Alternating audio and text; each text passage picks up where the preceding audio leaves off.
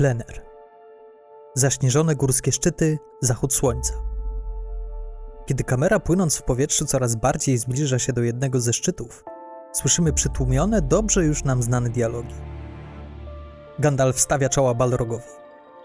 W kluczowym momencie kamera przebija się przez skałę i wpada na most Khazad Dum, gdzie widzimy koniec pojedynku między demoniczną bestią i czarodziejem.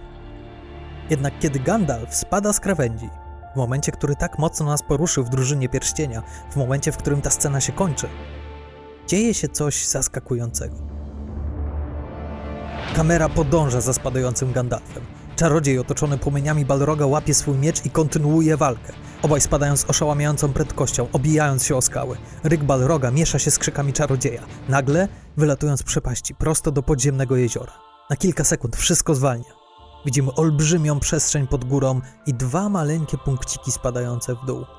Po szalonych, dynamicznych ujęciach obraz ten jest jak głęboki wdech przed zanurzeniem. Gandalf i Balrog uderzają w taflę wody. Cięcie. Frodo budzi się z krzykiem. To był tylko sen. To scena otwierająca dwie wieże, drugą część trylogii Petera Jacksona. Po wielkim sukcesie drużyny Pierścienia w kinach, Jackson miał za zadanie nie tylko jej dorównać. Musiał ją przebić. Niełatwe zadanie dla środkowej części trylogii, historii bez wstępu i zakończenia. Jackson miał jednak w zanadrzu dodatkowy atut. Pierwsza część była wprowadzenie do świata Śródziemia, druga natomiast to już epickie kino wojenne. Helmowy Jar to jest jednak, kurde, najlepsza scena bitwy dla mnie osobiście, może dlatego, że miałem 12 lat, jak to oglądałem, jaką widziałem w kinie. Nadal ta scena robi wrażenie, nadal ta scena, scena działa, cała, od samego początku do samego końca. Powiem tak, każdy, kto wymyślił szarże po takim zboczu, tutaj pokazuję rękę pod kątem, e, przy Helmowym Jarze powinien pójść na lekcję fizyki, odsiedzieć swoje i dopiero potem jakby to, to mnie tak denerwuje, że jakby nie ma momentu, żeby mnie to nie denerwowało. Właśnie dlatego mówiłem, że mój ojciec y, strasznie polubił, bo dla niego to mówił, że batalistycznie to był świetnie zrobiony film, świetna walka. Mówi, przyznam się szczerze, że w książce Bitwa pod Helmowym Jarem nie robiła na mnie takiego wrażenia. Czytałem, a no było jakieś tam oblężenie, ale w sumie to jakoś sobie poradzili i tak dalej, a się to oglądało w kinie i po prostu kurczę, no wpychało w fotel. Ja musiałam to powiedzieć na początku, dobrze? Bo to, to, to jest dla mnie bardzo ważne, żebyśmy zdali sobie sprawę, że ta scena nie ma sensu, nawet jeśli jest niewyobrażalnie widowiskowa. Różna Pierścienia jest moim absolutnie ulubionym filmem, natomiast te późniejsze części coraz mniej mi się podobają, bo akurat bohaterowie bardzo często w tych epickich bitwach się y, gubią. Czuję się jak staruszek, taki, który nie ogarnia, jak oglądam bitwy i nie, nie pochłania mnie batalistyka i tego typu rzeczy, tylko po prostu nie wiem, co się dzieje i jestem przesycony bodźcami, więc z siłą rzeczy y, bitwy nie są czymś, co mnie przyciąga do Władcy Pierścieni. Doceniam ludzi, którzy się tym jarają, ale ja sam po prostu jestem staruszkiem, który nie wie, co się dzieje. No, Helmowy Jar jest dla mnie najfajniejszą. W sensie druga część jest dla mnie najfajniejsza, bo, bo tam jest takie prepare to battle cały film. Dokładnie, właśnie. I, i oni, i tam deszcz zaczyna padać, nie? Jak oni stoją i czekają. I to w ogóle, to ich czekanie w tym deszczu, jest takie ujęcie, że tak skapuje w nich ta woda. I to po prostu, nawet zanim bitwa się zaczęła, to już było wiadomo, że to będzie epickie. Budowanie tego napięcia jest niesamowite. Widać tę tę ciasną lokację, te góry dookoła, które ich otaczają i widzisz, że oni są niekończącą się ilością po prostu hordy że oni wchodzą, zabijają wszystkich, nie patrzą na nic, oni bronią się ze wszystkich sił. Przypomnę ci, ja nie czytałem wcześniej książek przed oglądaniem tej części. I ja miałem takie, że oho, ktoś zaraz umrze. Że albo to będzie Aragorn, albo, albo Gimli, albo Legolas, no, czy Gandalf, ktokolwiek. Miałem takie przeczucie, że ktoś, że ktoś tutaj zginie czy oni obronią Helmowy Jar tym razem, tak? Ja, przy, ja ostatnio 22 razy oglądałam ten film i oni zawsze bronią tego Helmowego Jaru, ale ja za każdym razem takie, uda się czy się nie uda, uda się czy się nie uda, czy już świta. Ani razu ci bohaterowie się nie gubią w tych małych ujęciach. Rzeczywiście cały czas gdzieś tam czuję, że, że, że oni są zagrożeni, że coś się może im stać i że te walki są naprawdę wyrównane. To mi się bardzo też podobało pod kątem dramaturgicznym. To jest bardzo, bardzo ważne, żebyśmy za każdym razem, kiedy oglądamy scenę batalistyczną w filmie Jacksona, nie myśleli o tym, że to jest bitwa to nie jest bitwa, to jest spotkanie ostateczne dobra ze złem. To jest to, mieć poczucie, że nic ważniejszego się w tym momencie w Śródziemiu nie dzieje. Że ni, żadna bitwa stworzona w naszym świecie nie była tak niesamowita. Jakby tutaj, moim zdaniem, Jackson bierze pełnymi rękami z takiego właśnie, dobrze rozumie, że oglądamy epos, oglądamy legendę, oglądamy something larger than life. Za każdym razem, kiedy ktoś zadaje mi pytanie, która część trylogii Jacksona jest moją ulubioną, odpowiedź jest prosta. Dwie wieże. To jedyny film w moim życiu, który widziałem dwa razy z rzędu w kinie. Wyszedłem z seansu w kinie Bałtyk, poszedłem do kasy i kupiłem bilet na następny pokaz. Spędziłem łącznie 6 godzin na sali kinowej. Bitwa o Helmowy Jar, Enty, pojedynek Gandalfa i Balroga oraz wprowadzenie nowej, kluczowej dla opowieści Tolkiena i filmów Jacksona postaci sprawiły, że dwie wieże mnie opętały. Żaden z tych elementów nie mógłby zaistnieć bez dwóch rzeczy: szalonej wyobraźni reżysera oraz komputerowych efektów specjalnych. Pamiętacie o 35 pożyczonych komputerach? No cóż, Weta Digital musiała się sporo nauczyć.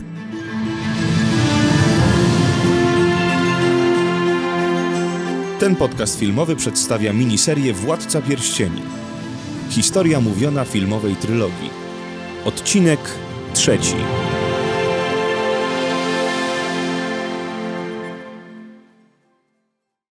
Kiedy tylko ekipa Jacksona dostała zielone światło na Władcę Pierścieni, graficy komputerowi z Wety Digital ruszyli do pracy. Chociaż mieli za sobą doświadczenie z przerażaczy, skala nowego przedsięwzięcia była bez porównania większa. W końcu zrobienie kilku półprzezroczystych niebieskich duchów i jednej w pełni cyfrowej postaci kostuchy to był pikuś w zestawieniu z np. dziesięcioma tysiącami orków biorących udział w bitwie o Helmowy Jar. Sprawy nie ułatwiał fakt, że Jackson nie chciał polegać wyłącznie na grafice komputerowej. Chciał wykorzystać każdy wizualny trik, jaki kino ma w zanadrzu. Najlepszym sposobem na zrobienie jakichkolwiek efektów w filmie jest ciągłe zmienianie metody. Czasem będą to rozwiązania praktyczne, ale często trzeba też korzystać z grafiki komputerowej. Niektóre rzeczy są prawdziwe, niektóre nie. Na przykład komputerowe tła, prawdziwe elementy na pierwszym planie. Dla mnie to zawsze rozbijało się o praktyczność. To scenariusz dyktuje to, jak mamy coś pokazać na ekranie.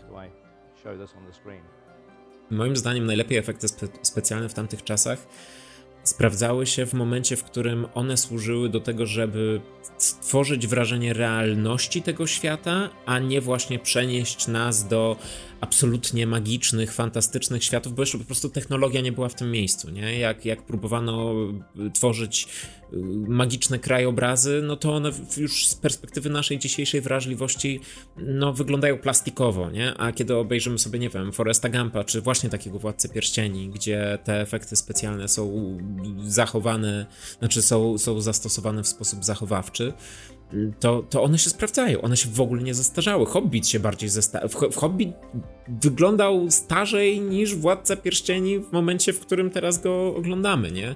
Ale to też dlatego, że zupełnie inna jest filozofia stosowania tych efektów specjalnych. Ludzie mają to do siebie, że jesteśmy dosyć podobnego wzrostu. Nawet jeżeli jest jakiś rozstrzał od, y, załóżmy, średniej budowy, czyli tam metra 70 powiedzmy do tych 2 metrów, to 30, 30 centymetrów jest dosyć łatwo skrócić na, na planie zdjęciowym. Można ewentualnie podstawić, założyć e, aktorowi troszkę wyższe koturny na butach albo postawić go na skrzynce jest to troszkę wygodniejsze. Przy takiej produkcji jak Władca Pierścieni te wielkości już są znaczące. Jeżeli mamy takiego Gandalfa albo Hobbita, no to ich dzieli już ponad metr, myślę, że nawet z metr 50 tej wysokości, może nawet 2 metry. No i rzeczywiście to jest większe wyzwanie, żeby, żeby obronić te, te wielkości. No więc było to kręcone, aktorzy byli ustawiani bliżej, dalej, było e, pomieszczenie było inaczej kadrowane, pewnie tam dużo też oświetlenie miało do zrobienia. E, aktorzy byli kręceni w, w, dwóch różnych ujęciach bardzo często. Na przykład scena, którą znamy bardzo dobrze, czyli G Gandalf, który pojawia się w domu Bilba i przechodzą tę samą drogę. To samo ujęcie było kręcone na na już dw, dw, na, na, na dwójkę osobno, każdy był kręcony osobno. Dzięki temu mogliśmy y, z tą y, perspektywą rzeczywiście troszkę bardziej powalczyć, zmniejszyć tego Bilba i Gandalfa powiększyć na tyle, ile trzeba. I powiem ci, że nie znajduję tutaj e, kiksa żadnego i to mi się bardzo podoba, że nawet to przejmowanie kapelusza i laski od Bilba, gdzie to było po, przekazywane po prostu facetowi, facetowi e, kukle, który jest przebrany w niebieski strój, żeby go e, łatwo można było wyciąć, i on odbiera od Bilbata, a potem to tak zmiksowali, że, że nie zauważam brudów. Więc za to szacun. Łączenie efektów praktycznych z grafiką komputerową idealnie wpasowuje się w filozofię Jacksona, którą wypracował na planie swoich pierwszych filmów.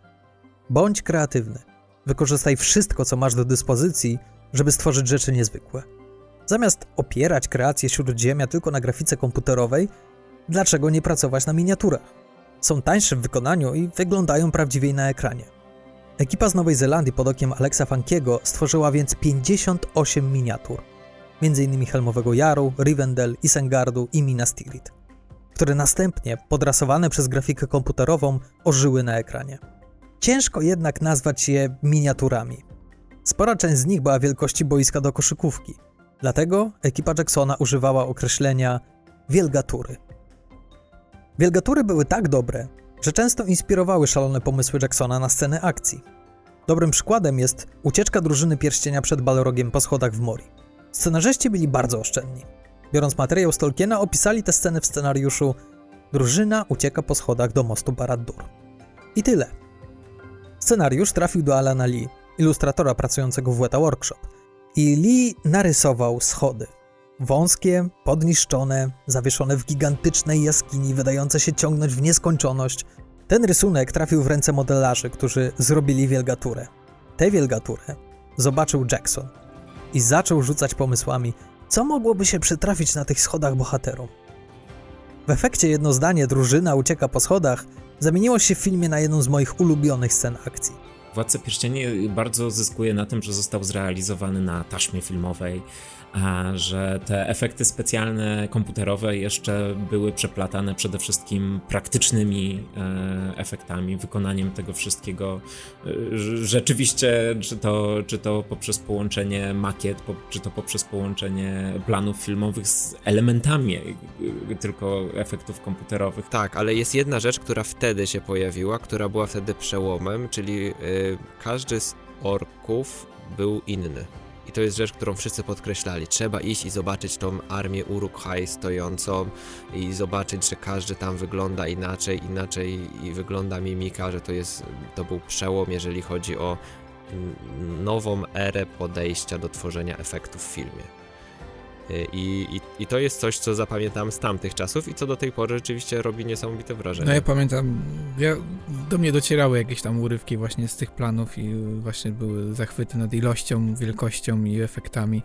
E, I też trochę zazdrościłem, że są w tej Nowej Zelandii, też chciałem zobaczyć Nową Zelandię.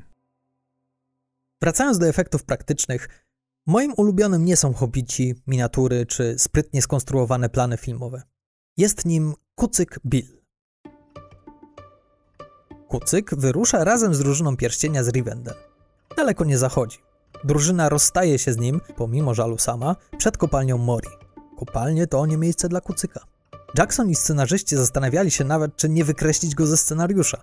W końcu Bill musiałby brać udział w scenach rozgrywających się na ośnieżonych szczytach gór, co byłoby logistycznym bólem tyłka dla całej ekipy.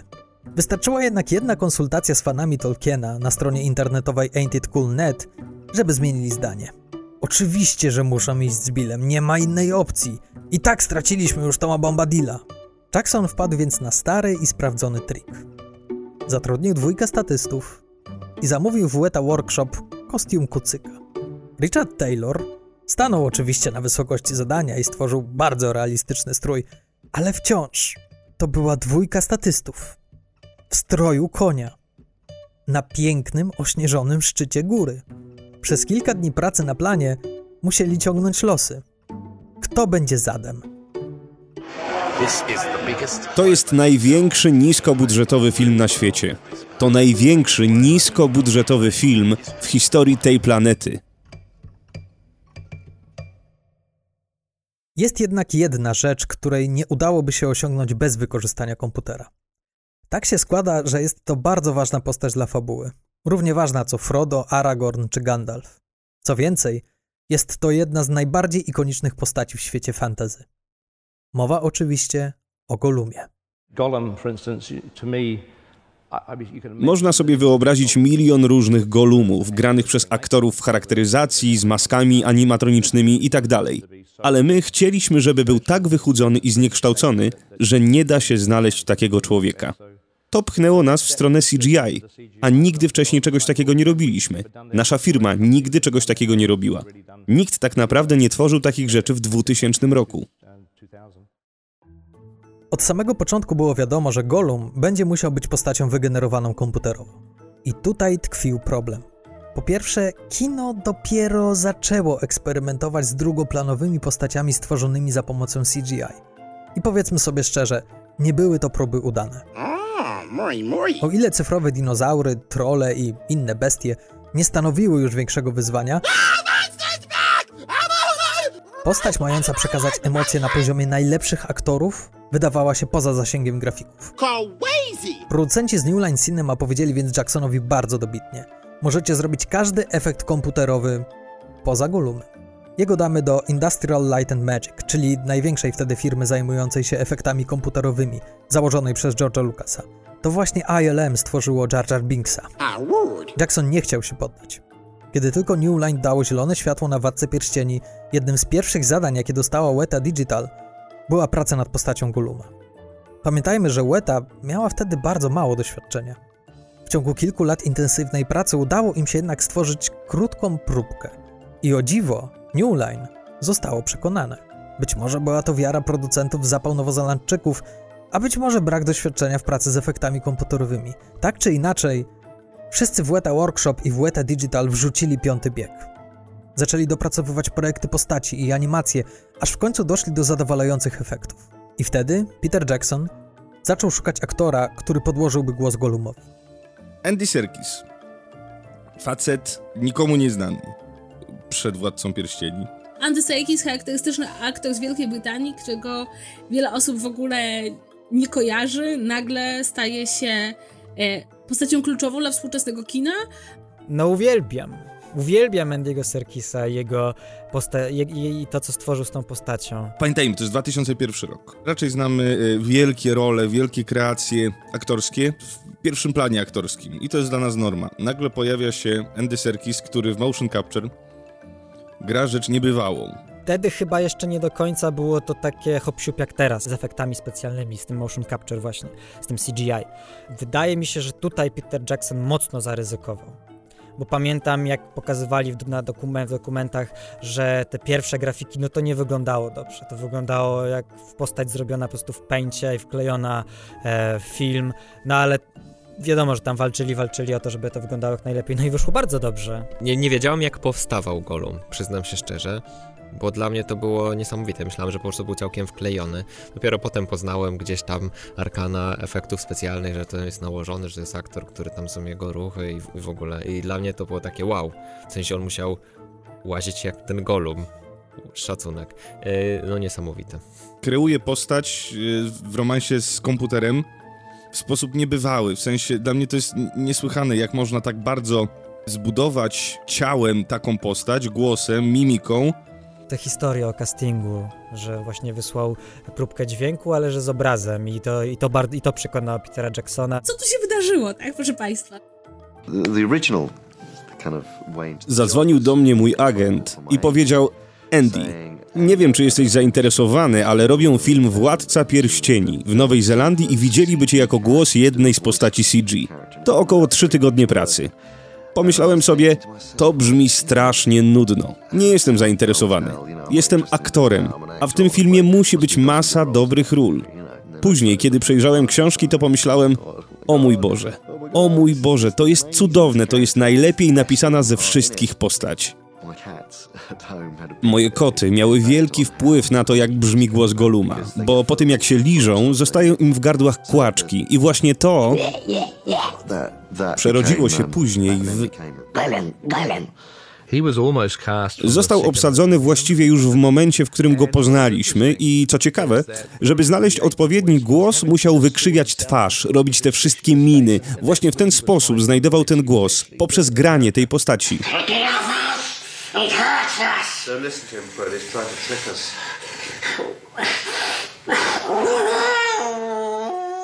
Kiedy Jackson obejrzał taśmę próbną Andiego Serkisa, zdał sobie sprawę, że jego ekspresja jest tak silna, że wcześniejsze projekty postaci nie będą pasować do głosu. Zapadła decyzja. Graficy z Łety musieli zmienić wygląd Goluma tak, żeby bardziej przypominał Serkisa. To oznacza, że musieli jeszcze raz wykonać pracę, którą zrobili przez ostatnie kilka lat. Tym razem jednak mieli na nią kilka miesięcy. No nie, no zmieniamy wszystko. Już teraz, kurde, już mamy pół drugiej części, musimy wszystko zmieniać, bo ja muszę go mieć na ekranie, że musimy zrobić to motion capture. I przez to Andy Serkis stał się jakby już królem. Z kolei Jackson, zachwycony grą Serkisa, ściągnął go na plan do Nowej Zelandii, żeby grał w obcisłym, szarym trykocie razem z Elijah Woodem i Seanem Astinem. Pamiętam, że siedziałem w namiocie z całymi hordami orków. To było już po tym, jak wysiadłem z samolotu. Do tego chodziłem w tym głupim kostiumie z lajkry. Zero wprowadzenia, po prostu to jest Andy, który gra Goluma. Dopiero co dotarłem na plan, a ludzie już się zastanawiali, co to jest, co on robi. What's he doing? Why? Serkis dawał z siebie wszystko. Pomimo tego, że na początku jego praca była trywializowana, nie tylko przez ekipę, ale także przez aktorów. W końcu był tylko efektem specjalnym. Sean Astin grający rolę sama. Andiego raziło to, że ludzie nie doceniają jego pracy podczas zdjęć. I to prawda. Na początku ekipa go nie doceniała. My go nie docenialiśmy. To, że jednak masz żywego człowieka, który nie tylko gra, ale ty masz na co reagować. To jest bardzo ważne dla, dla aktorów. I widać, że ta, mimo iż mamy animowaną postać, tak, no bo jednak jest coś, jest to przetłumaczone na, na język fikcyjnej postaci, ale jednak mimo wszystko te wszystkie reakcje i, i wszystkie interakcje pomiędzy bohaterami a Golumem są jak najbardziej realistyczne, no bo to jest jak najbardziej prawdziwa postać, nie? Ja, w, nawet gdyby on był wykonany o połowę gorzej, byłby wiarygodny, bo po, prostu te emocje się czytają, które są na ekranie w przypadku tej postaci. Nawet pamiętam, jest taka scena, jak e, sam próbuje mu dać rybę i sam... e, A, gotuje królika i G- Gollum jest e, zniesmaczony tym i spluwa. I Andy Serkis pamiętam, że był taki dumny i tak, o, zobaczcie, to moja ślina. Praca Serkisa nie skończyła się jednak na planie filmowym. Kiedy wszyscy aktorzy zakończyli zdjęcia, wsiedli do samolotów i rozjechali się po świecie, Serkis trafił do studia Motion Capture, gdzie musiał odegrać wszystkie sceny jeszcze raz. Tym razem jego ruchy były szczytywane i rejestrowane przez komputer, który nanosił je w czasie rzeczywistym na cyfrową postać Goluma. Na tym etapie już nikt nie kwestionował gigantycznej roli aktora w kreowaniu tej postaci. Co więcej, scenarzyści inspirowani jego grą rozbudowywali scenariusz, dopisując mu więcej materiału. Słynna scena wewnętrznego monologu została napisana i nakręcona właśnie wtedy. Nie wydarzyłaby się, gdyby nie talent aktorski i całkowite zaangażowanie Serkisa. Master's my friend. You don't have any friends. Nobody likes you. Not listening. Not listening. You're a liar. And a thief. No. To są w ogóle moje ulubione sekwencje. W całym Władcy Pierścieni sekwencje, w których pojawia się Gollum są moimi absolutnie ulubionymi. Moment, w którym, w którym on prowadzi ze sobą dyskusję e, w tym dualizmie właśnie Smigola z Golumem, no to to jest najwyższej próby aktorstwo. Bo to tylko nie jest głos. Znaczy wiadomo, że tutaj przede wszystkim ten głos wygrał tę postać, e, no ale nie, no tutaj tak jak mówiłem, te jego emocje, które były od samego początku w tej postaci. No. To jest coś, co moim zdaniem, moim zdaniem wyznaczyło kierunek rozwoju efektów specjalnych, yy, który, który obserwujemy tak naprawdę do tej pory, nie? czyli motion capture czy emotion capture na dobrą sprawę. No i, i dał nam jednego z najwspanialszych aktorów, który strasznie rzadko gra w filmach, ale też y, jest to też y, kolejny przykład aktora, który po Władcy Pierścieni został reżyserem. Nie? Teraz mamy premierę Venoma. W tym 2001-2002 roku tak naprawdę stworzyła się nowa metoda aktorstwa. W sensie wielkiego aktorstwa. Nie byłoby wielu ról, nie jednej, wielu, dziesiątek ról, gdyby nie Andy Serkis. Gdyby on nie pokazał, jak gra się będąc aktorem z który zostaje potem zmieniony w postać CGI, gdyby nie pokazał, jak bardzo jednak to wszystko wymaga swoistej techniki, e, jak, jakby no, jak tą ekspresję przełożyć, jak głosem modulować, jak stworzyć rolę nawet wtedy, kiedy nie widać cię bezpośrednio na ekranie. Była taka pewna obawa, że, że komputery przejmą e, rolę aktorów, bo, bo pojawiły już się duże animacje i wszystko, i że teraz będziemy w stanie za kilka lat zrobić wszystko i że aktor już nie będzie potrzebny. I Andy Serkis pokazał, że nieprawda, że komputer owszem jest niesamowitym narzędziem do tego, żeby filmy urozmaicać, ale komputer nigdy nie wygra z człowiekiem. Że wystarczy podczepić kilka, y, kilka elektrod do czoła, do, do ciała i dalej ten aktor może tworzyć wielkie, niesłychane rzeczy. Nie wyobrażam sobie aktora, który w ostatnich dekadach zrobiłby więcej dla aktorstwa, który wszedłby w nowy sposób grania, wyznaczył pewien sposób tego grania, wyznaczył technikę, sam stworzył kilka bardzo wyraźnych ról, no bo przecież Andy Serkis jakby to nie jest tylko aktor od, e, od Władcy Pierścienia, prawda, chociażby świetne jego role w Planecie Małp, tak, no, moim zdaniem chyba jeden z najwybitniejszych ról CGI, jakie w ogóle są. E, więc ja mam takie poczucie po prostu, że powinniśmy o nim autentycznie mówić jako twórcy nowego sposobu gry aktorskiej. Oceniam go jako tytana pracy, absolutnie, wrę wręcz szalonego. Metoda motion capture, którą on zaproponował i widać, że, że włożył w to absolutnie całe serce. No zresztą potem w King Kongu też pojechał do, do Afryki i siedział z, z gorylami. No to, to, no to kto, kto by na coś takiego poszedł? A ten facet po prostu chciał oddać każdy jeden ruch, wiesz, ruch palcem, ruch, ruch barkiem, e, jak goryl. Dla, dlatego mówię, no to jest aktorstwo najwyższych lotów. Motion capture jest teraz jedną z, jednym z tych segmentów, który młodym aktorom daje możliwość rozwijania się na dobrą sprawę w międzynarodowych produkcjach, bo, bo u nas w Polsce e, nawet e, są studia, gdzie nie wiem, realizuje się zwiastuny do filmów, animatiki do filmów, czy nawet sceny do filmów zagranicznych, nie? I, i to jest w ogóle zupełnie inny rodzaj pracy na planie i reżyserskiej, z perspektywy reżyserskiej i z perspektywy aktorskiej i nawet usłyszałem od kilku osób, że które miały problem z odnalezieniem się na rynku yy, i, w ogóle zastanawiały się, czy nie zrezygnować z aktorstwa. Usłyszałem od kilku osób, że motion capture jest czymś, co pozwoliło im na nowo odnaleźć radość z pracy w branży w ogóle, więc, więc, więc to też jest coś, co, co naprawdę stwarza przeogromne możliwości. I uważam, że największą zbrodnią, jaka jest, to jest niewyróżnienie Andiego Serkisa za to, co zrobił. Uważam, że to jest właśnie rozwój kina i rozwój, rozwój kinematografii i za to się Władcy Pierścieni i Peterowi Jacksonowi, należy główny Oscar, czyli za to, że pchnął kinematografię tak naprawdę w cyfrową przyszłość. Kurczę, to jest trudne, to naprawdę nie jest takie łatwe. Wydaje mi się, że, no, przynajmniej zasłużył na nominację. Żeby, żeby było, żeby pokazać, że słuchajcie, ta rola nie jest nam obojętna, że my to widzimy, doceniamy. Powinien w ogóle dostać Oscara, ale niekoniecznie za rolę Goluma. Tylko powinien dostać Oscara za specjalnego. Ja już wymyśliłam, jakiego Oscara powinien dostać Andy Serkis, ja już o tym myślałam.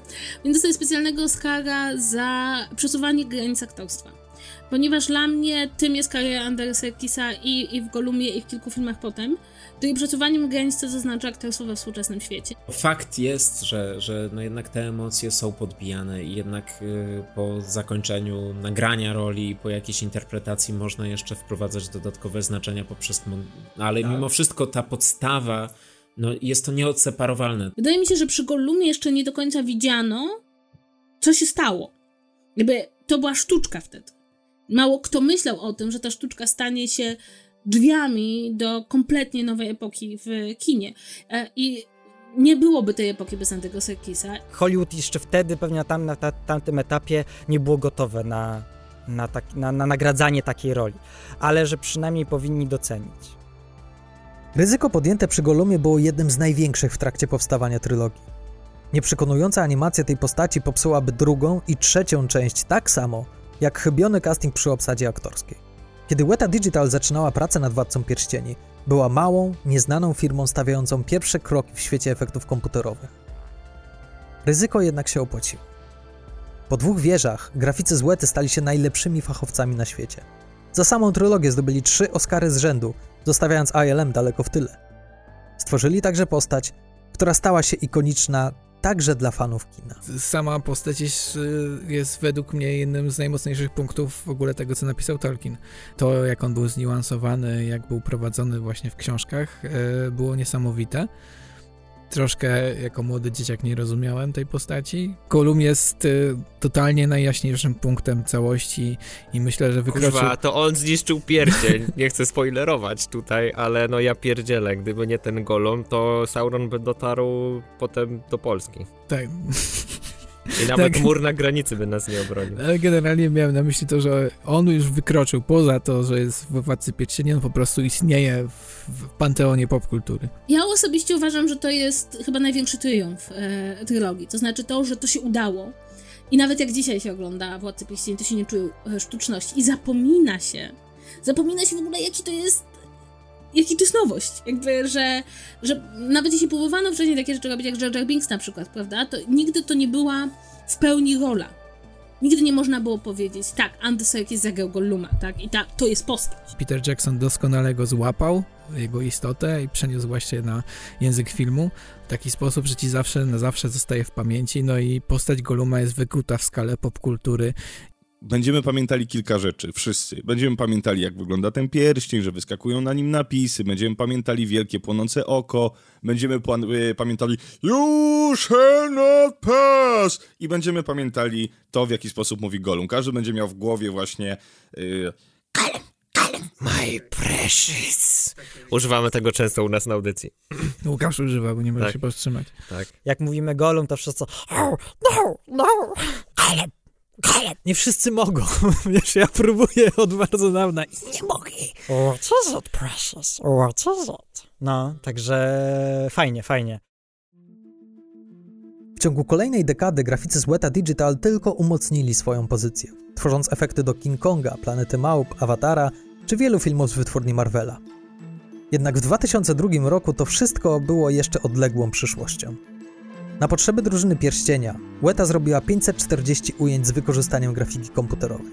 Przy dwóch wieżach liczba ta wzrosła do 800. Po premierze tego filmu przed Wetą stanęło największe wyzwanie. 1488 ujęć do powrotu króla. Zakończenie trylogii Jacksona zbliżało się wielkimi krokami.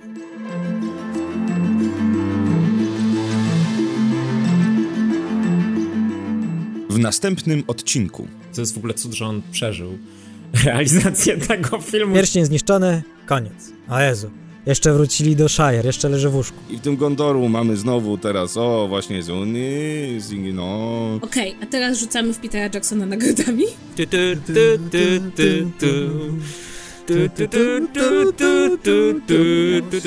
Eisengard. W nagraniach udział wzięli Katarzyna Czajka-Kominiarczuk z Wież Popkulturalny, Karol Gajos Popcornert, Ryszard Gawroński i Łukasz Przywara Ryneczki kontra Markety, Konrad Korkosiński Ten Podcast Filmowy oraz Jakub Lisiak. Scenariusz i realizacja Piotr Maszorek. Korekta i tłumaczenie Profesor Bączyński. Czytał Konrad Korkosiński.